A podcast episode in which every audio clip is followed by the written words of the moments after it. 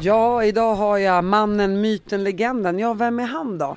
Eh, han är programledaren för Efterlyst. Han har hållit på i 30 år. Ja, jag vet, det är nästan lika länge som jag har funnits. Nästan sa jag bara. Sen har du ju fallen jag aldrig glömmer, din egen podd. Välkommen hit, Hasse Aro. Tror du överdriver, tack. Jag tror du överdriver lite om min ålder. Vi jobbade ihop ett tag så så, så himla ung är du inte.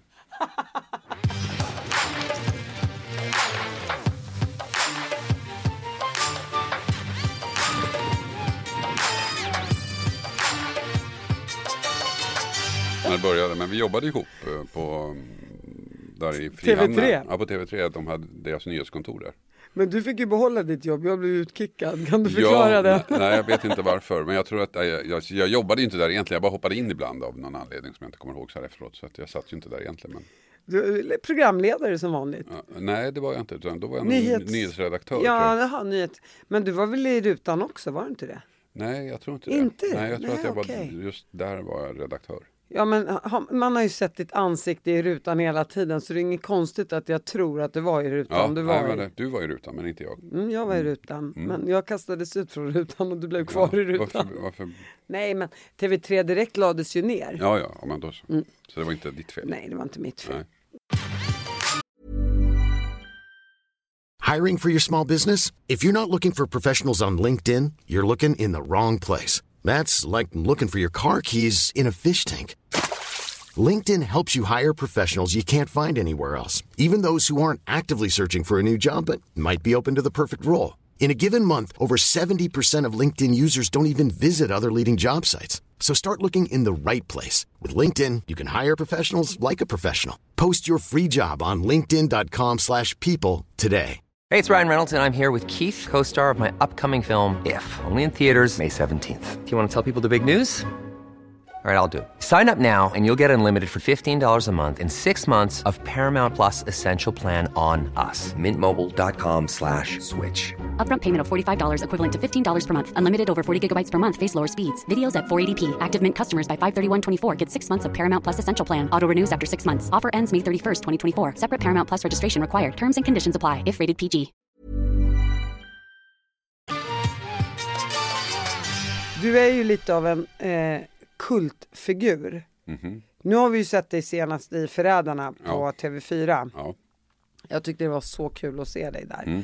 Jag blev faktiskt förvånad över att se dig där. För du ska ju alltid, eller man kan ju tänka så här, man har ju en bild av dig i rutan som superseriös, håller på med kriminologi, eh, människor som är efterlysta. Och att du, att du vågar stå i rutan och hänga ut folk. Eh, man, man har dig där uppe någonstans och så är du med ändå i, i Förrädarna som, som är ett, vad kan man kalla det för, ett lekprogram. Eh, vi ska komma in på det, men i, innan vi kommer in på hela din karriär och ditt liv så vill jag ju såklart höra lite om din uppväxt. Och min uppväxt, och här bytte vi, svängde vi fort. Jag är då mm, född i Södertälje. Mina föräldrar eh, flyttade från Finland dit. De var för sig, de träffades i Södertälje. Så eh, kom jag då, då och sen så då, jobbade de båda på företag som hette Separator som sen bytte namn till Alfa Laval och flyttade till Tumba och då många av dem som jobbade flyttade med och det gjorde vi också. Så det är där jag uppväxt, i Tumba. Syskon? Ja, min mamma hade två barn sedan tidigare så att, eh, och så fick de då tillsammans mig och min lilla syster. Så vi var fyra som växte upp tillsammans. Och hur var, hur var livet? Jag vet ju att många finnar kom till industriområdena, jag menar Scania och Mm. Eh, jag har bland annat haft Markoolio i podden Mm. som berättar om sin uppväxt och eh, många som är uppvuxna med finska föräldrar att, att det var väldigt mycket stök och bök och alkohol som var i- inblandat i Mm. Jaha. uppväxten. Kan du känna igen dig i det? Nej, det gör jag inte. Vi hade en ganska, jag hade en ganska lugn uppväxt tycker jag. Vi flyttade hela tiden. Eh, Men det var ju också en del av eh, tillvaron. Därför att man blev, om man jobbade på Alfa Laval så, blev man, så hade de ett samarbete med kommunala bostadsbolaget. Så man kunde hela tiden byta lägenheter. Så vi flyttade ju ganska mycket, fast inte så långt och så. Men i övrigt var det lugnt och skönt. Och hur var det i skolan? Och... Ja, jag var väl medelmåtta. Sen när jag blev lite äldre så blev jag ganska uppkäftig. Alltså jag var inte brö, bå, bråkig och sådär men jag ifrågasatte regler och sånt där. Det gjorde jag ganska ofta och det tröttnade lärarna på. Så att då tillbringade en hel del tid hos rektorn. Mm, jo men där känner jag igen mig själv. Så att... Men det var inte så att jag var stökig men jag, liksom, jag ifrågasatte saker och ting. Nej, jag Det tycker jag är bra. Ja, egenskap. absolut. Nu förstår jag varför du är programledare Ja. Efterlyst. Eh, jag borde ifrågasatt och var stökig, men okej. Eh, men du hade ma- massa kompisar och Ja, ja. du kände ändå att ditt, din uppväxt var trygg och bra? Ja det tycker jag nog. För det var liksom, vi bodde ju då där. eh, Alltså det var ju på den tiden då man, när man kom hem så gick man ut och så var man ute hela, på gården hela dagen och, sen, och hela kvällen. Sen gick man in och så hängde med kompisar. Så, där. så det var ganska lugn eh, och trygg. Tycker jag nog. Och är det här då, vad kan man kalla det, 60-talet? Eh, ja, det kan man säga. Och Det var eh, då jag var barn. Ja. Ja, jag, jag är tvungen att räkna själv. Ja. Mm. jag tänker att du är några år äldre än vad jag är. Ja. Inte så många, men några. Och så var jag tonåring på 70-talet. Och då föddes jag. Mm. I alla fall. Och så då växte du upp i Tumba och Södertälje. När, för att jag menar, du är ju utbildad till journalist. Okej, och ifrågasättandet och allt det där, det hänger ju ihop med journalistiken också. Eh, när insåg du att det var journalist du ville bli? Nej men det var väl eh, det var en hemlig dröm jag hade men det kändes liksom lite för mycket. Lite vem, vem fan tror jag att jag är liksom. Så att det där var jag inte. Utan min plan A var egentligen att satsa på resebranschen. Och mitt, mitt stora, min stora dröm var att få flytta till Stockholm. Och eh, av en slump och genom tur så fick jag faktiskt en lägenhet i Stockholm först andra hand så fick jag ta över den. Så att den, den drömmen uppnåddes ganska fort. Jag hade vidare till nästa dröm och det var resebranschen och började jobba på hotell. Och då kom det in en kompis till mig, en barndomskompis och berättade att han hade kommit in på Journalisthögskolan och berättade hur, hur det gick till och sådär. Så att då tänkte jag, ja men jag slänger väl in en ansökan då. Inte, eh, alltså det var, jag trodde inte på det. Men vad sjutton, vad hade jag förlorat? Och då på den tiden så var det så att man, eh, alla som sökte fick komma till tester. Alltså det, var, det hade ingenting med betyg att göra utan det var bara tester. Och första testen, det är två tester då. Och i första testen så kommer alla in. Och så får man göra den här testen. Och då var jag där också. Och vi var, jag vet inte hur många vi var, men det var flera hundra. Eh, och sen så gick jag vidare till andra testen och då plötsligt blev det lite lite läskigt. För då är det eh, 240 gick vidare till andra testen.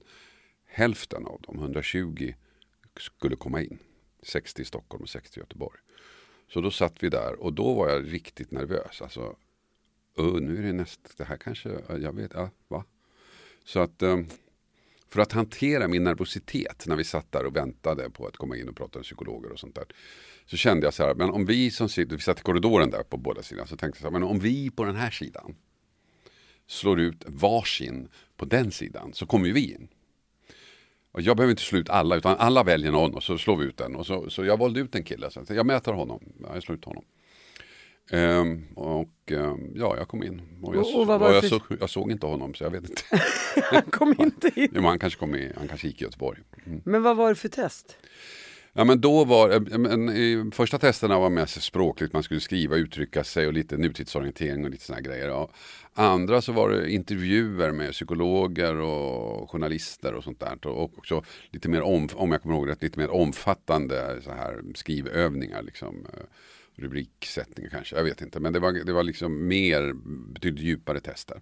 Men hur kunde du då sluta en person? Hur visste du? Nej men bara, det var mitt mentala sätt att, alltså, att klara det här för jag var så nervös. Jag tänkte, ja, men om vi på den här sidan slår ut varsin person på den sidan. Då behövde inte jag slå ut 120 stycken.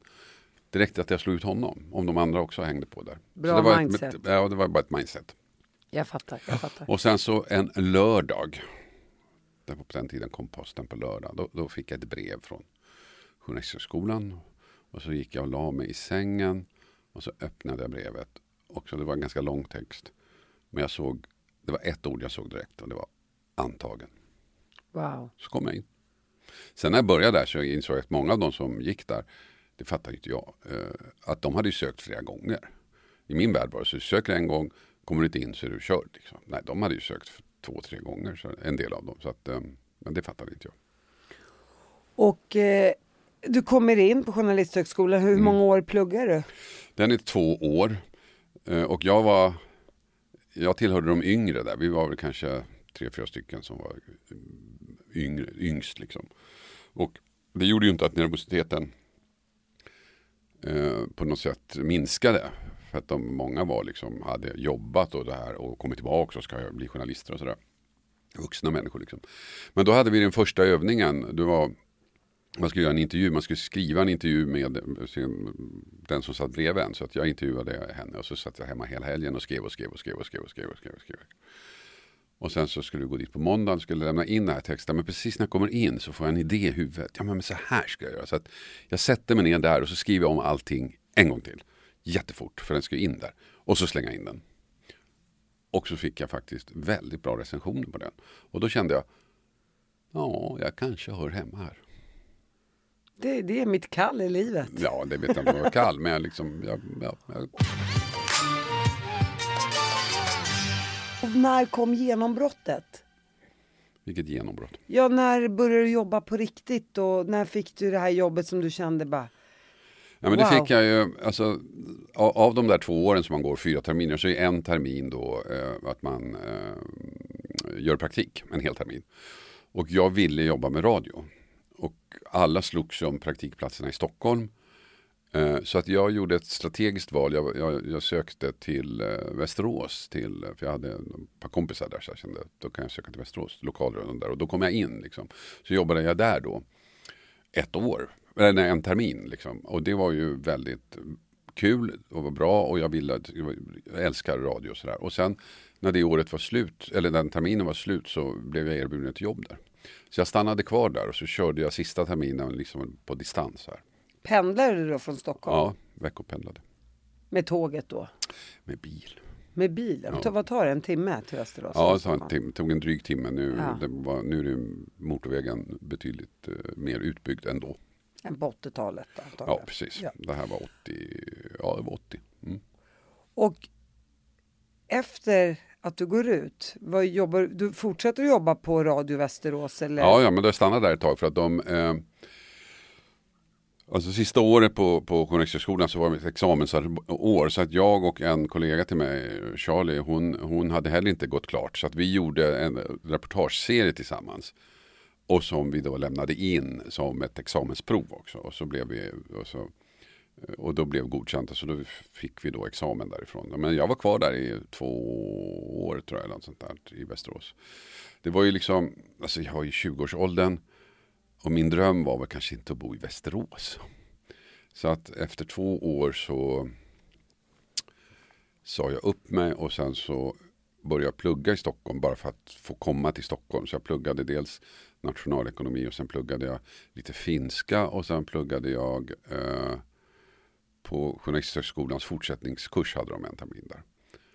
Eh, så, så där gick ett år och sen på sommaren fick jag sommarjobb på Radio Stockholm och så blev jag kvar där. Så det blev lite genombrottet ja. Radio Stockholm ja. kan man ja, säga. men det var ju jättekul. Det var ju fantastiskt att få jobba där. Det var en sån härlig tid. Och Radio Stockholm var ju liksom lite rebellradio då. Därför att eh, chefen där, Harald Norbelia, han hade ju hittat en sändare som ingen använde. Så att den la han beslag på. Så Radio Stockholm sände ju hela dagen. Alla andra lokalradiostationer hade liksom tre fönster i P3 som de fick sända. Men Radio Stockholm körde hela dagen. Så det var liksom Sveriges första kommersiella radio om man ser till formen. Det, det sändes musik och folk pratade hela dagen. Och det var fantastiskt roligt. Och där jobbade du åtta timmar per dag? Ja, minst. Och hur länge var du kvar där? Fem år. Det är ju länge. Ja, det var länge. Och hur hamnade du i rutan sen då? Ja, men min chef där på eh, eh, lokalradion, eh, Pellet Hörnberg, han eh, han hade fått ett uppdrag av Jan Stenbeck att göra en pilotserie med en kille som heter Robert Aschberg. Och eh, Stenbeck hade sett någon amerikansk eh, talkshow som han ville att eh, Robban skulle göra i Sverige. Och då fick Pelle uppdraget att producera tre stycken piloter med Robban. Och eh, Pelle frågade om jag ville vara med och göra research och redaktionsarbetet och så gjorde vi det. Och det här gjorde vi i hemlighet på sommaren då för att vi var ju anställda på Sveriges Radio så det gick inte att göra det här. Så vi gjorde det och så gjordes det tre piloter som blev väldigt lyckade och då eh, utifrån det startades produktionsbolaget Strix och då gick jag över dit när det började. Just det. Ja, och där blev jag kvar ganska länge. Ja, 20 år. Ja, minst. Ja. Ja. Ja. Och så började du på Strix. Ja men då på, när jag var på Strix så, så Pelle, återigen då, Pelle, eh, eh, han har verkligen betytt mycket för mig, eller min karriär. Så han tipsade om att Sveriges Radio sökte programledare, de skulle köra program som heter Trekvart. Så sökte de programledare och så frå, frågade de, alltså tyckte han att jag skulle gå på deras audition, så gjorde jag det. Och sen så lite senare så hörde jag ifrån dem och sa de kan du komma tillbaka? Så uppfattade jag det hela, kan du komma tillbaka? Och då trodde jag att då, då är det väl en audition till. Och då, satt, då kom jag dit och så var det tre andra människor där. Maria Borelius, Annika Dopping och Lennart Modig. Och så satt vi och pratade i rummet där och jag kände liksom Ska de inte börja fråga? Jag fattade inte riktigt vad som hände. Och så sa de plötsligt, ja men nu börjar det, nu kan vi gå över. Och då går vi in i ett annat rum och då är det presskonferens. Och då sitter jag på scenen tillsammans med de tre andra. Då inser jag, jaha, jag har blivit antagen. och det var kanske det konstigaste ögonblicket i mitt liv. Jag sitter där och så sitter en massa journalister och ställer frågor och jag, jag, jag fattar inte. Jag är jätteförvirrad var jag. Så det var ditt första, Första stora programledarjobb. Det var mitt första tv-jobb ja. Mm. Och vilket år är det här? Eh, 79, hösten 79. Okej, så det här är redan på 70-talet? Nej, 89, förlåt. Jag är med, jag Ja, bara- 80. Nej, är så- Ja, ja, det har Vi gått så många år. förvirrade. Ja. 89, hösten 89. Så programmet gick två säsonger, 89-90. Och, och, och då fick du blodad tand då utav det här programledarjobbet? Nå, jag tyckte det var kul, det gjorde jag absolut. Men det var inte så att jag kände att wow, det här vill jag göra. För sen, sen när det tog slut så, fick jag, så återvände jag till Strix och så byggde jag upp deras första nyhetsredaktion som trean hade då. Inte den som du jobbade på utan den som var innan som hette Tre minuter. Som sändes från London men vi gjorde journalistarbetet i, i Stockholm. Så då jobbade jag med det ganska länge och sen så Sen så startade Robert Aschberg ett program som hette Efterlyst. Han producerade, han hade, det gick över hela världen, olika varianter. Så att han sålde in det här till TV3 och med programledaren Brynolf Wendt. Och så körde de den, nu kommer jag inte ihåg exakt hur länge de körde, men de körde den. Eh, och sen så plötsligt så ringer TV3 till Pelle Törnberg återigen och säger eh, nej men det går inte så bra längre. Utan vi, vi, vi, vi, vi tror vi lägger ner den här skiten, det funkar inte. Och vilket år är det här ungefär? Ja, det är 91 tror jag, hösten 90 eller våren 91 där omkring är det. Och då säger Pelle, men vänta vi kan göra om programmet, vi kan, vi kan börja sända direkt för det var inte direkt sänt då, vi kan bygga ut studion så kan vi kanske, kan Brynolf bli expert och så tar vi in en annan programledare. Och då så frågar de, eh, jaha, har du någon på gång eller? Någon- Vem tänker på då? Och just då, det är faktiskt sant, just då går jag förbi Pelles rum. Så Pelle han eh, säger till telefonen, eh, personen i telefonen, ursäkta, eh, kan du vänta ett tag? Hasse, ja, skulle du kunna tänka dig att ta över Efterlyst? Ja, för fan. Eh, jo, jag tror jag har en kille här, säger han i telefonen. Och så körde vi. Och så körde vi ett program och det gick inget bra. Och så körde vi ett program, det gick inget bra. Och då skickade eh, TV3 ett fax, det var på den tiden. Där de sa, lägg ner, eh, lägg ner det, eh, skicka slutfaktura. Men det här faxet kom bort. Jag tror att Pelle slängde det någonting sådär. Så att vi hann göra ett tredje program och då pang sa det bara. Vi fick enorma tittarsiffror. Och sen rullade det på efter det. Så Pelle hade fingertoppskänsla? Ja, Pelle hade fingertoppskänsla, ja. Jag, tänk, jag tänker på när du säger tre minuter, Mm. eh, TV3 Ja. tre minuter.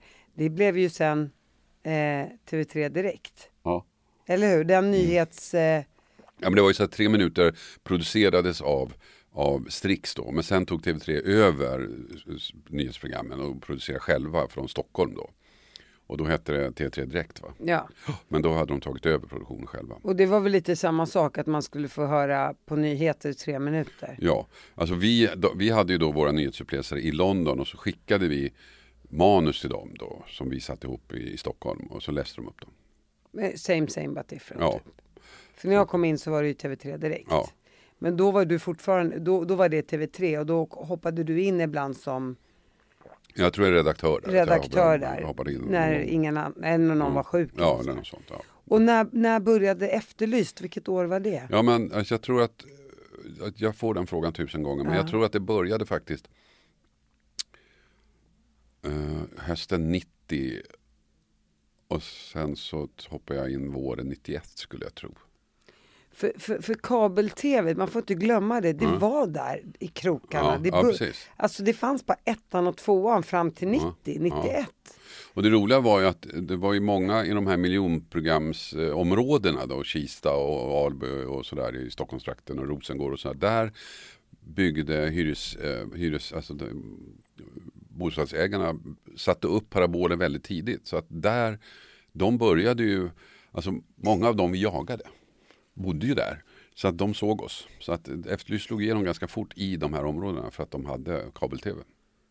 Där brotten begicks. Ja, där brotten begicks, Det är precis. faktiskt helt sjukt. och, och Jag vet Filip Hammar skrev en krönika om det en gång. Just, Är det sant? Ja, just om det här att liksom Efterlyst är stort i orten.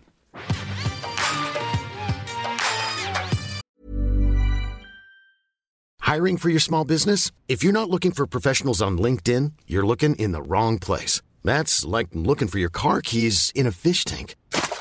LinkedIn helps you hire professionals you can't find anywhere else, even those who aren't actively searching for a new job but might be open to the perfect role. In a given month, over 70% of LinkedIn users don't even visit other leading job sites. So start looking in the right place. With LinkedIn, you can hire professionals like a professional. Post your free job on linkedin.com/people slash people today. Millions of people have lost weight with personalized plans from Noom, like Evan, who can't stand salads and still lost 50 pounds. Salads, generally, for most people, are the easy button, right? For me, that wasn't an option. I never really was a salad guy. That's just not who I am. But Noom worked for me. Get your personalized plan today at Noom.com. Real Noom user compensated to provide their story. In four weeks, the typical Noom user can expect to lose one to two pounds per week. Individual results may vary.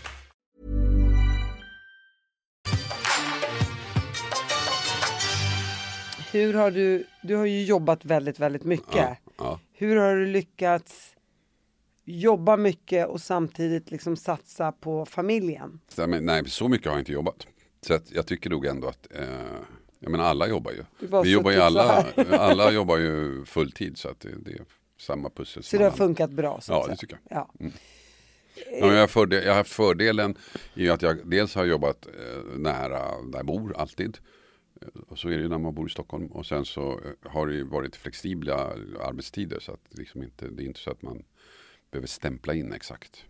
Så du har kunnat eh, bestämma dina tider själv. Du har haft Mm. Ja. ett väldigt fritt och kul. Ja, verkligen. D- Ditt jobb har ju varit din fritid Ja, kan man ju ja, nästan nej, säga. ja, inte riktigt. Men okej. ja. Du har haft det kul på jobbet. Ja, ja. Men sen har det ju varit, alltså åren på Strix var ju jätteroliga för jag gjorde så mycket annat. Jag menar nu det tror folk att jag var gjort efterlyst i alla år. Men hade jag bara gjort det så hade jag ju ruttnat för länge sedan. Utan jag producerade ju ganska mycket grejer också. Robinson bland annat och sådär. Så att jag jobbade väldigt mycket bakom kameran. Mer kanske än framför. Efterlyst, du har ju hållit på med det här i 30 år nu. Mm. Du tröttnar aldrig. Nej, eller alltså det går ju vågor men det beror ju på Alltså jag har ju haft förmånen att kunna bestämma hur mycket jag vill jobba med programmet och då, då går det ju vågor så att när jag har jobbat med andra, andra produktioner då har jag kanske bara kommit in på torsdagarna, skrivit mina manus, kört och sen inget mer liksom. Och sen i andra, i andra tidpunkter så har jag producerat och då har jag varit total engagerad. Så det har gått i vågor det där. Så att jag, eh, när, när jag känner att ja, men nu kanske någon annan ska producera så har jag fått något annat att göra. Jag tänker ändå Hasse, du har jobbat med hela brottsutvecklingen från Mm. tidig 90-tal till idag. Ja, Eh, Du ser hur utvecklingen går. Du Mm. jobbar ju nära poliser när du har ditt program. Mm. Du, måste ju ha, du, du är ju färdigutbildad polis och professor och allting Mm. Ja. genom att bara vara programledare. Och du Mm. sitter på så mycket information som få människor gör. Hur skulle du säga att brottsutvecklingen har gått och, och hur tycker du att politikerna borde ha agerat annorlunda för att jag menar, vi har ju sett alla utvecklingar har gått åt fel håll. Vad, vad skulle de ha gjort i förebyggande syfte innan vi hamnade där vi har hamnat idag? ja men det skulle de ju skulle de ha sett att vi var på väg att liksom oj det här går inget bra. Och sen jag brukar hänvisa till, till eh, New York-modellen som alla pratar om. Och det här var ju ett tag sedan, men vad de gjorde där var att de knäckte brottsligheten i New York. Giuliani. Ja, de gjorde verkligen det.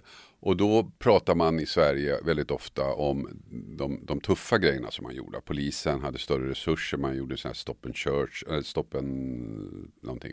Att man fick stanna människor på gatan och, och, och söka igenom dem, och, även om det inte fanns någon konkret misstanke. Och man, man eh, snabb, liksom, snabba åtal och sånt där. Och, och, det var ju, och det var ju bra och det var ju effektivt, absolut. Men vad man inte pratar om är att man gjorde så mycket andra förebyggande åtgärder också. Dels så satsar man väldigt mycket på, på eh, förortsområden, alltså utsatta områden som då var Harlem till exempel. Så körde man mycket så här broken glass policy. Alltså man rustade upp och så fort ett fönster gick sönder så lagade man det. Så fort någon klottrade så lagade man det. Man satsade på fritidsgårdar, man satsade i, tillsammans med communityn med, på skolor och sådana här saker. Det gjorde jättemycket sånt. Och det pratar vi inte om så mycket i Sverige utan vi pratar bara om liksom, de hårda åtgärderna. Och jag tror att det är, det är precis det man ska göra både och. Och det förebyggande och alltså satsa på de här områdena från vilka de här gängkriminella kommer. För de kommer ju från vissa områden. Det är ju väldigt tydligt att man satsar på de områdena och gör dem inte bara trygga men också ser barnen som är där och ser, alltså se till så att de här områdena blir finare än vad de är. Det tror jag är väldigt viktigt. En annan viktig del tror jag som man kör i New York som jag tror är viktigt är att man rättsapparaten agerar väldigt fort. Att du har sådana här jourdomstolar. Så om du gör något och så, och så, får man ta ansvar direkt när man gör något. Om du gör något, om du klottrar eller om du snor en cykel eller något enkelt brott. Så här, ja, polisen tar dig, du åker in till domstol direkt. Du står där, du får ett straff direkt.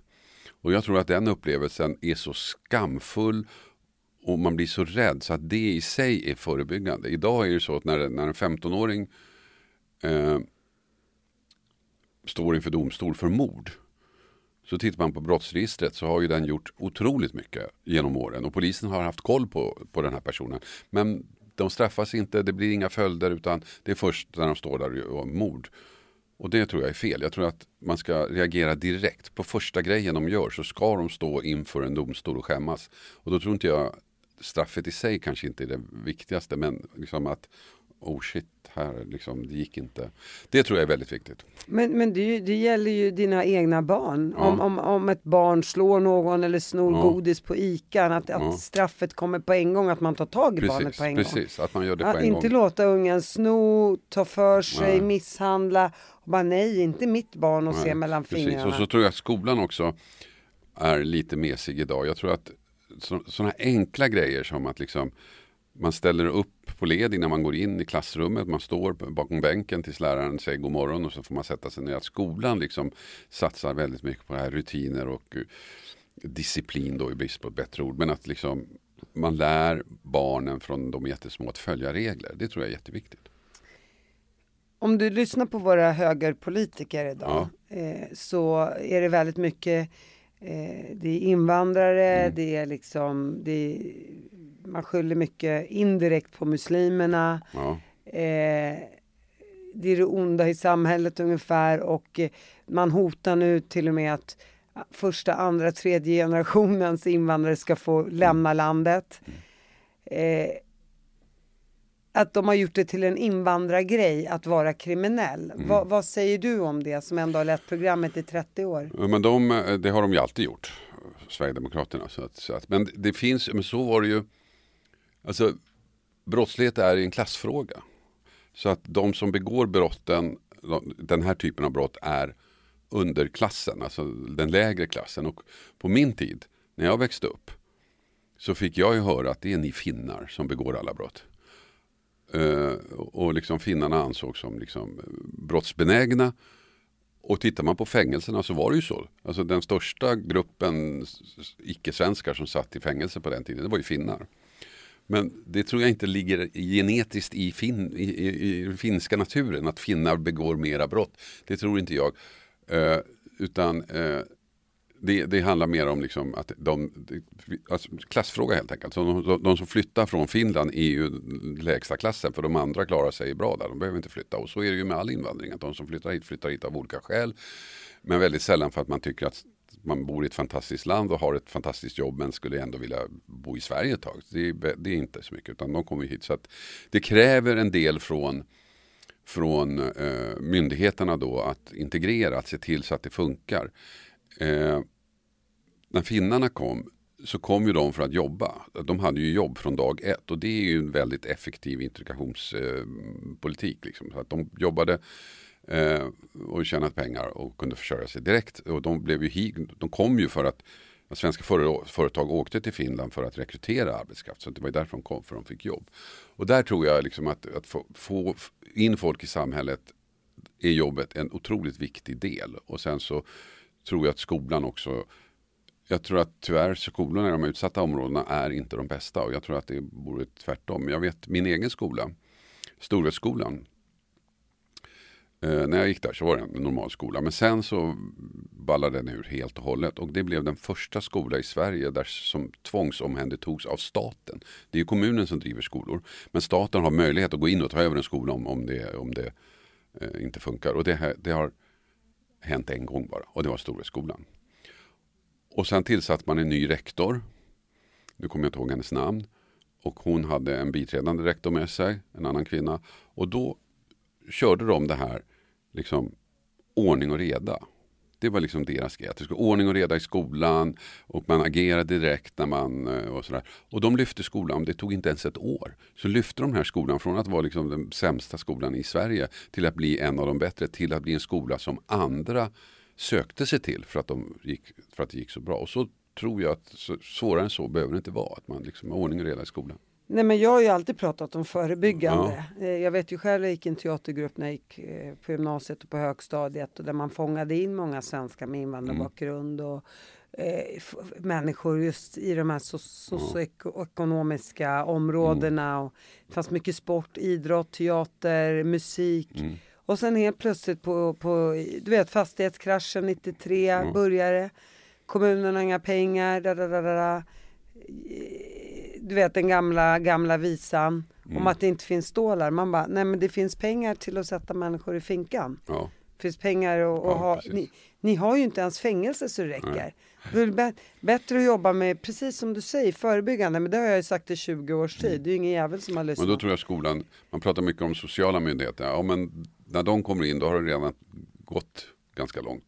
Utan jag tror att skolan är jätteviktig och jag tror att, att medlen är inte så jävla komplicerade som man tror. Utan det är liksom Fritidsgårdar, de, ja. och sen också som jag pratat till exempel med Johan Eriksson, advokaten. Ja. Jag, jag pratat med många som, som har koll, som har haft eh, eh, klienter som är kriminella och så mm. vidare och som också som du har jobbat med Efterlyst i 30 år. Egentligen borde politikerna bara ta in er alla som kan det här, som har jobbat med det här, mm. som är insatta i problemet. Vad behöver göras? Eh, och jag menar alla säger ju samma sak, förebyggande, förebyggande, mm. förebyggande. Mm. Hårdare straff hjälper inte. Nej. Hårdare straff, vi har ju sett i USA, det hjälper ju inte. De har ju till och med dödsstraff. Nej, men jag tror inte hårdare straff. Jag tror snabbare straff. Exakt. Direkt. plocka på en mm, gång. Ja. Eh, bromsa. Mm. Bromsa upp. Mm. Det här snacket, jag vill bara säga vad jag känner för att se om du håller med mig i den här grejen. Man pratar ju om att man ska kasta ut mm. familjer till och med. Ja, alltså ja. det, är på en nivå som är crazy banana. Eh, och då säger de att man ska skicka hem dem. Ja. Och då är bara min fråga, ja men vänta, ser ni inte med, med utvecklingen som sker idag att de rekryterar barn från utlandet? Mm. Ja, ja, ja. Så om, vi, om, vi, om vi skickar ut kriminella mm. ja. från Sverige, ja. då sitter de ju bara och jobbar från ja. utlandet. Handlar inte om att låsa in dem, hitta bovarna jo, och låsa in dem? Nej, då ska man försöka hitta the easy way out, mm. nummer ett. Nummer två är ju, vänta, de har ju bott här i 30 år. Mm. Det är ju ni som har skapat terroristen, mm. det är ni som har skapat eh, eh, den, den, kriminella. Mm. Varför ska ett land som inte har varit med om den här personens utveckling i Sverige ta emot en person som är superkriminell? Nej men det tycker jag du har en poäng där. Jag tycker att det är olika men om man är vuxen, flyttar till Sverige, begår brott, då ska man ju ut. Det är ju det, inga, det är en annan sak. Men om man är uppvuxen i Sverige så så, så tycker jag det finns ingen rimlighet i, ja, och då, då ska man slänga ut föräldrarna då bara för att de är ansvariga. Det är finns Ja, ingen att de, rimlig... ja, men också att de är inte bara första generationens invandrare, de är andra, Ja. de har bott här i 30 år, Ja. de är svenska medborgare. Om ni totalt har misslyckats med integrationen, som ni år efter år efter år har fått reda på i vilken utveckling det går Mm. och ni bromsar inte upp det. Jag brukar säga man får de politiker man förtjänar. Mm.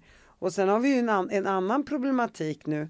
Eh, I och med den här högerpolitiken eh, i Sverige så pratar man ju väldigt mycket om att man nu ska höja lönerna.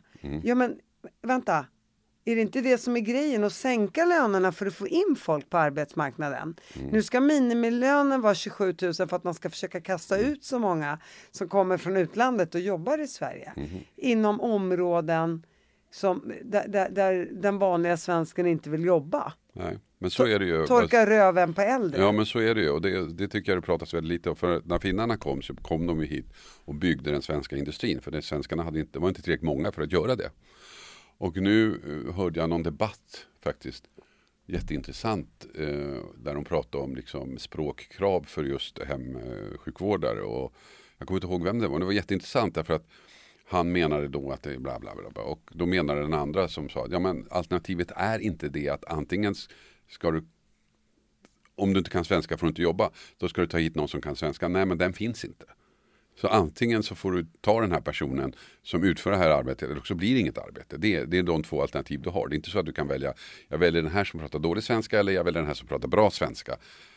Nej, tyvärr, det finns inte. Utan du har bara den att välja på. Och, de, alltså, och det tycker jag den debatten tycker jag saknas väldigt mycket. Hur, alltså, vilken otroligt viktig del de är i det svenska samhället som vi som eh, lever normalt medelklassliv inte ser. Men jag ser ju min granne till exempel som är, är, blir vårdad hemma. Till exempel. Och då, är det ju, då ser man ju vilka är det som utför det här och, och de jobbar alltså. Det, det här är också en, en grej som jag har tänkt på. Därför för att jag har ju alltid fått höra att jag inte är svensk. Och du pratar då om första generationens invandrare, andra generationens invandrare, tredje generationens invandrare, fjärde generationens. När blir man svensk? Hur många Exakt. generationer ska det gå innan man är svensk? Exakt. För att jag fick ju, alltså, det gjordes väldigt tydligt för mig i hela min uppväxt att ja, du är ju inte svensk. Och återkommer till, till, till efterlyst där så att Känner du att du utvecklas hela tiden? Känner du att jag orkar inte med det här för den här utvecklingen går åt skogen och jag blir frustrerad? Eller tycker du att det är lika kul fortfarande? Nej, men jag, kan ju ty- ja, men jag tycker det är kul att jobba med programmet. Tycker jag. Jag, alltså, de jag jobbar med nu är ju folk som, som du säger, har ju sett det här programmet sedan de var barn. Och de tycker det är jättekul att jobba med det här programmet. De har valt att jobba med det här programmet. De vill jobba och deras entusiasm smittar av sig. Det tycker jag är jättekul. Jag jobbar inte så mycket med det så att inte att jag sitter här fem dagar i veckan. Ehm, men däremot utvecklingen som sådan kan jag tycka är extremt frustrerande nu. Extremt frustrerande när de liksom 12-åringar börjar begå mord och sånt där. Då känner jag att vi, vi är väldigt illa ute. Och, och man måste också fatta att de här 12-åringarna, det är barn. De har Ja. precis tappat sina tänder. Ja. De är så groomade in i det här. Och att det inte finns ett samhälle som kan stoppa det. Nej. För det är, ju, det är ju som att säga att barnen faktiskt de facto blir våldtagna. Ja. Och ja, vi så står och tittar på. Ja men så är det ju. Absolut. Man vänder ju till att det är föräldrarnas fel och det är, det är de här barnens fel. Men så här, du bara tittar på när ens eget barn var 10-12 år gammalt. Alltså, de har ingen konsekvenstänk. En sak som jag brukar tänka på, som jag tror var ett av de största misstagen vi har gjort någonsin i det här landet. Det var när vi slutade med allmän värnplikt. 100 procent. Alltså, man plockar in alla, alla killar i 18-årsåldern.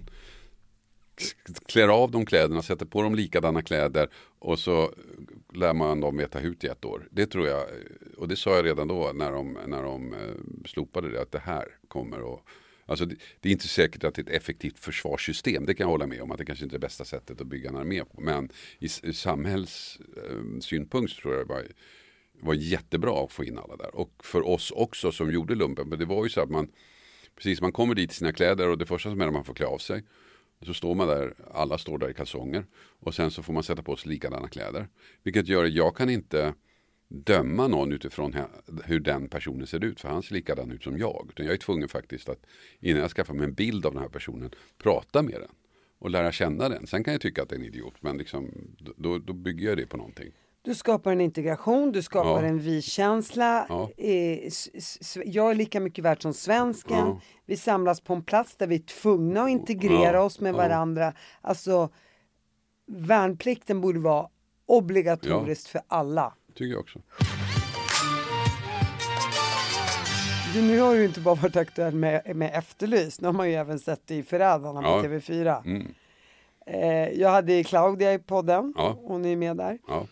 Och då hade jag inte sett ett enda avsnitt och så Nej. blev jag, tänkte jag ska gå hem och titta och börja Mm. titta på TV4 Play. Och blev fast direkt och tittade igenom alla avsnitten, eller de fyra som Mm. då hade gått. Och så väntar man ju bara till nästa lördag där tolvslaget. Mm. Fem sekunder över tolv från fredag till lördag, ja fredag, lördag natten där. Hur var det att göra det programmet? Ja men det var väldigt kul faktiskt. Jag fick ju den här, alltså, de frågade mig om jag ville vara med. Och då beskrev de det som någon slags blandning mellan eh, Stjärnorna på slottet och Robinson. Grattis! Ja, okej.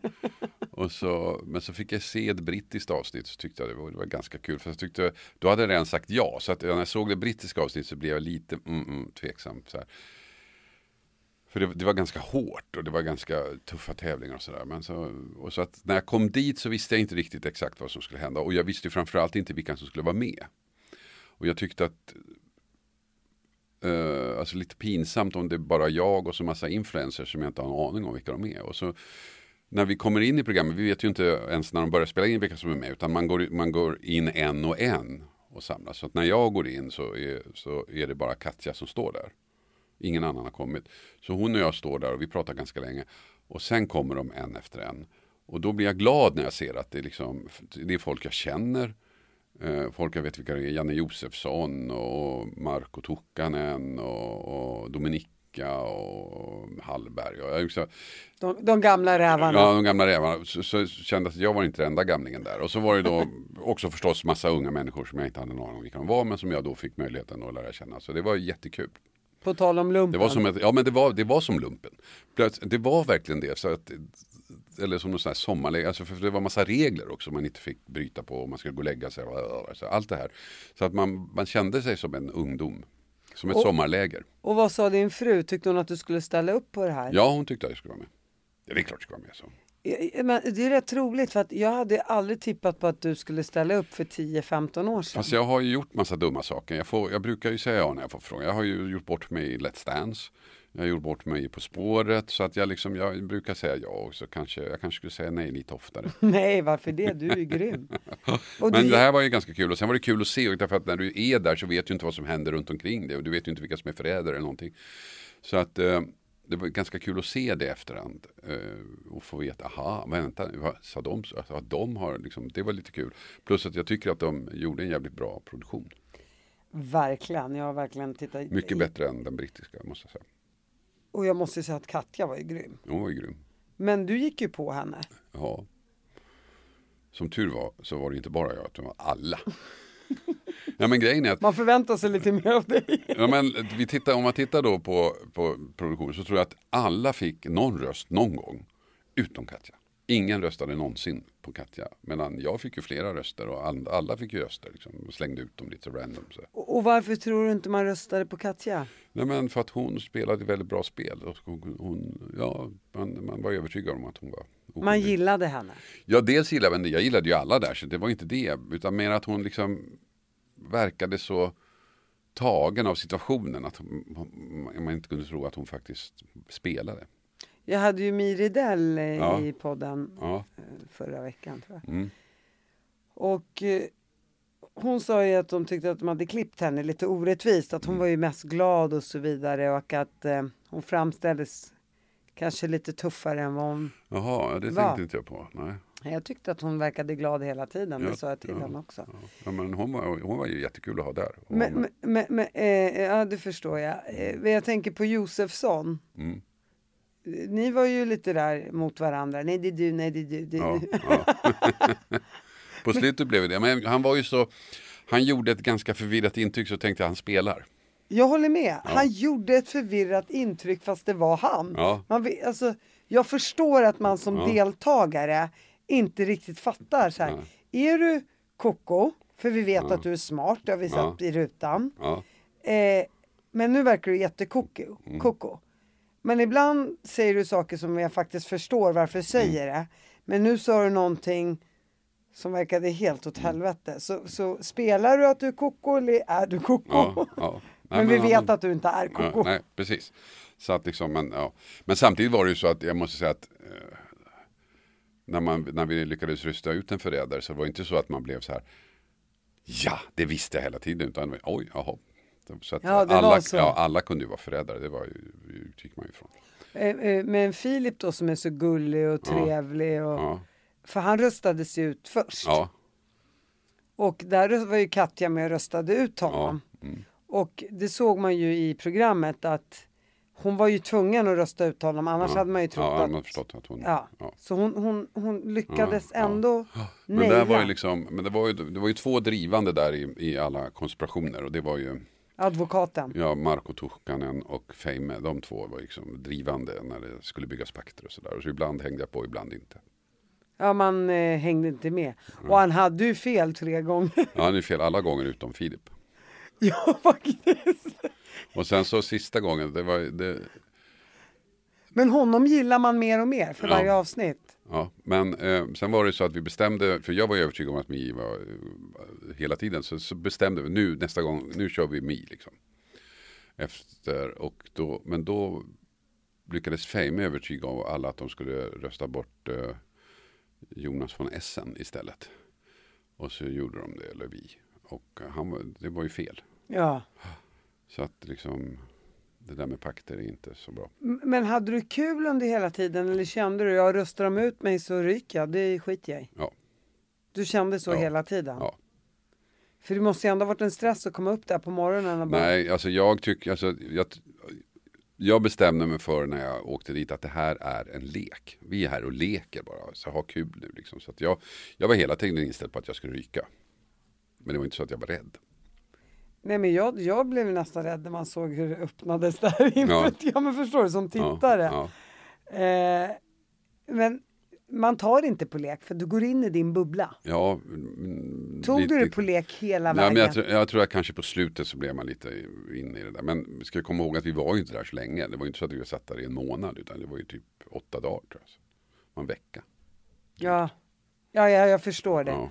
Men det, det, när du kommer ur den där bubblan då, precis Ja. som man gör med Let's Dance och alla de här Ja. tv-bubblorna. Hur, hur lång tid tog det för dig att återhämta dig? Nej men det gick fort faktiskt. Alltså vi hade ganska mycket på, jag och familjen på agendan efter det där. Så det gick ganska fort. Det var ju första kvällen som det var lite märkligt att sitta hemma. Och, och. Tyckte kidsen var kul att se dig? Jag älskade. Alla fem eller? Jag, jag, inte- jag tror det. Jag har, Ja. inte, jag har inte skannat av med de äldsta om de verkligen har suttit och kollat på det. Men de små? Ja, Även ju- treåringen? nej. Eh, men hon var ju inte vaken. Men, eh, Okej, nej. eh, nej, men det, det är det jag tyckte var så bra med den här produktionen. Att de lyckades med. Att den var kul att se både för barn och vuxna. Ofta är det ju så när du sitter med dina småbarn och tittar på något som de vill se så är det ju skittråkigt. Men här var det något som passade båda. Det tyckte jag var unikt. Och, och du kände ändå, för att när jag pratade med Mi och eh, så, så var det väldigt mycket så här att fönstren eh, tejpades igen. Ja men och- de hade lite otur. Vi bodde, på, vi bodde i en flygel där på slottet. Och de som hade rum mot gården, de fick sina fönster igentejpade. Annars kunde de se vad som hände där ute. Men jag hade tur att få rum mot skogen eller parken. Så jag hade fönster faktiskt. Jag hade kunnat, jag tänkte göra det. Bara för att visa att jag kunde. Jag, kunde, jag bodde på nedre plan så jag hade ju kunnat hoppa ut genom fönstret och dra iväg. Ah, Men det fanns ju ingenstans att dra. Så nej. Men just för att de sa att man måste, inte fick göra något så vaknar ju rebellen i sen. Ja, vi körde någon sån där äh, staden vaknar. Man, man, Mm. Det här kan man ju leka med kidsen. Mm. Eh, alltså man är ett gäng på 15 personer. Så, så ja, vem är mördaren i stan och så är det någon som är läkare och någon som Mm. är detektiv och så vidare. Så att den här leken har ju funnits men Ja. det har den blivit i tv-version Okej, så att okej, säga. ja, mm. Eh, men, men jag tänker ändå du som är en människokännare. kä- Kände du att du kunde ta med dig din erfarenhet Nej. in i Förrädarna? Nej, Det funkade inte nej, så. klart inte funkar så. För att? Ja, men för att de som är valda är valda utifrån olika aspekter. eh, Liksom, andra aspekter och, de, de, och för att de är kända och för att och de är ju där också för att leka. Jag tror att om, om, om, om man eh, som den brittiska versionen när det liksom eh, vanliga tittare som söker blir antagna så tror jag att redan där och vinstsumman är enorm. Så jag tror jag redan där så, så lägger man grunden för att det ska bli mycket allvarligare och mycket mer på riktigt. Liksom. Här var det inte riktigt så. Så det, det, var inte den som åkte. Var, men jag menar till exempel Jonas Hallberg. Mm. Han såg ju väldigt ledsen ut när han åkte. Ja, det gjorde han faktiskt. Ja, och på riktigt då. Ja, och von Essen också.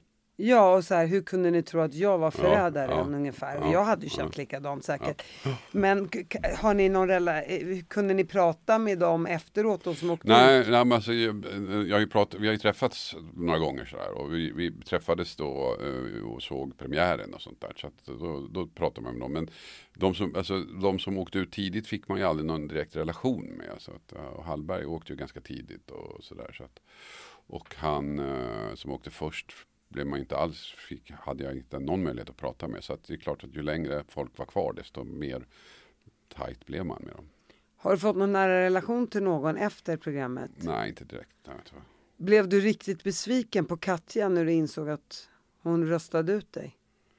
Det Eh, måste det ändå ha blivit. Du såg besviken ut. Nej, men jag blev lite förvånad därför att jag hade, jag, jag hade gått och pratat med alla så jag hade en, en annan plan som jag trodde de hade köpt. Alltså att vi skulle rösta ut. Kommer inte ihåg vem vi var. Vi hade, jag hade sagt att vi skulle rösta ut. Och så röstade de ut mig. Så var liksom, vad fan håller ni på med? Ni är liksom alla. Va? Är ni dumma i huvudet? Ja, är ni dumma i huvudet? Eller? Men, men hon var ju ledsen över att ha röstat ut. Ja. Men det är klart, hon ville ju vinna tävlingen Ja, såklart. ja, så det var precis. inget konstigt. Nej, det ni- Alltså, som jag ser det så jag tyckte det var kul att få vara med så länge. Ja. Jag var ju typ den sista som blev utröstad innan. Och, dig hade de i och med att du ändå öppnade käften där ibland och bara eh, nej men jag tror att det är Mi eller whatever. Så, så du var ju farlig spelare. Men man kunde inte rösta ut det för hade man röstat ut det hade man gjort bort sig själva. Ja, men då hade man Så- bekräftat att jag hade rätt. Exakt, så att lite grann, du åkte ju lite där på Mm. en våg hela vägen och sen blev du ju inte längre, efter ett tag så blev du ju inte farlig och då red du med på den vågen att du var ofarlig Mm. och sen där på slutet så blev du farlig igen. Ja men nej, på slutet var det inte farligt utan det var ju att hon hade en plan. Ja, ja, okej. göra. Och eh, en del av hennes plan var ju att det skulle bara vara tjejer kvar på, till finalen. Det var en del av den planen. Så. Okej, ja, det är mycket möjligt. Det är så jag uppfattar det som tittare i alla fall. Eh, men då ångrar jag inte att du gjorde det och det var kul. Nej, det var kul faktiskt. Var det bra betalt får man fråga det? Eh, För dig var det kanske? Jag, jag kommer inte ihåg riktigt, men jag, jag tyckte det var... Ja, Ni åkte det, på en jorden runt-resa med familjen efteråt. ja, det var, ja, det var helt okej betalt. Det var Okej, det. ja, det var det. Mm. och hur ser livet ut härnäst då? Eh, via Play då, det går inget bra för Viaplay. De har ju jätteproblem. I know. Så att framtiden är väldigt osäker. Eh, Så att eh, jag vet faktiskt inte vad som händer. eh, Om det blir några fler säsonger eller inte. Det, just nu är det väldigt osäkert allting. Och då köper ju fyran upp det. Det tror jag inte. De gjorde ju det en sväng där, det gick just där. Men, eh, men jag har ju signat, poddarna går ju bra. Eh, De, de går jättebra så att där, där har jag att göra. Och sen så känner jag att jag behöver inte jobba liksom 100%. Det behöver jag inte göra. Men folk kommer ju rycka tag i dig. Så är Vi får hoppas det. Du är, vad säger man, you're a legend. Of Ja, course you will stand on your feet Ja. and fly. Tack för att du kom hit Ja, Hasse. tack så mycket. Tack, tack.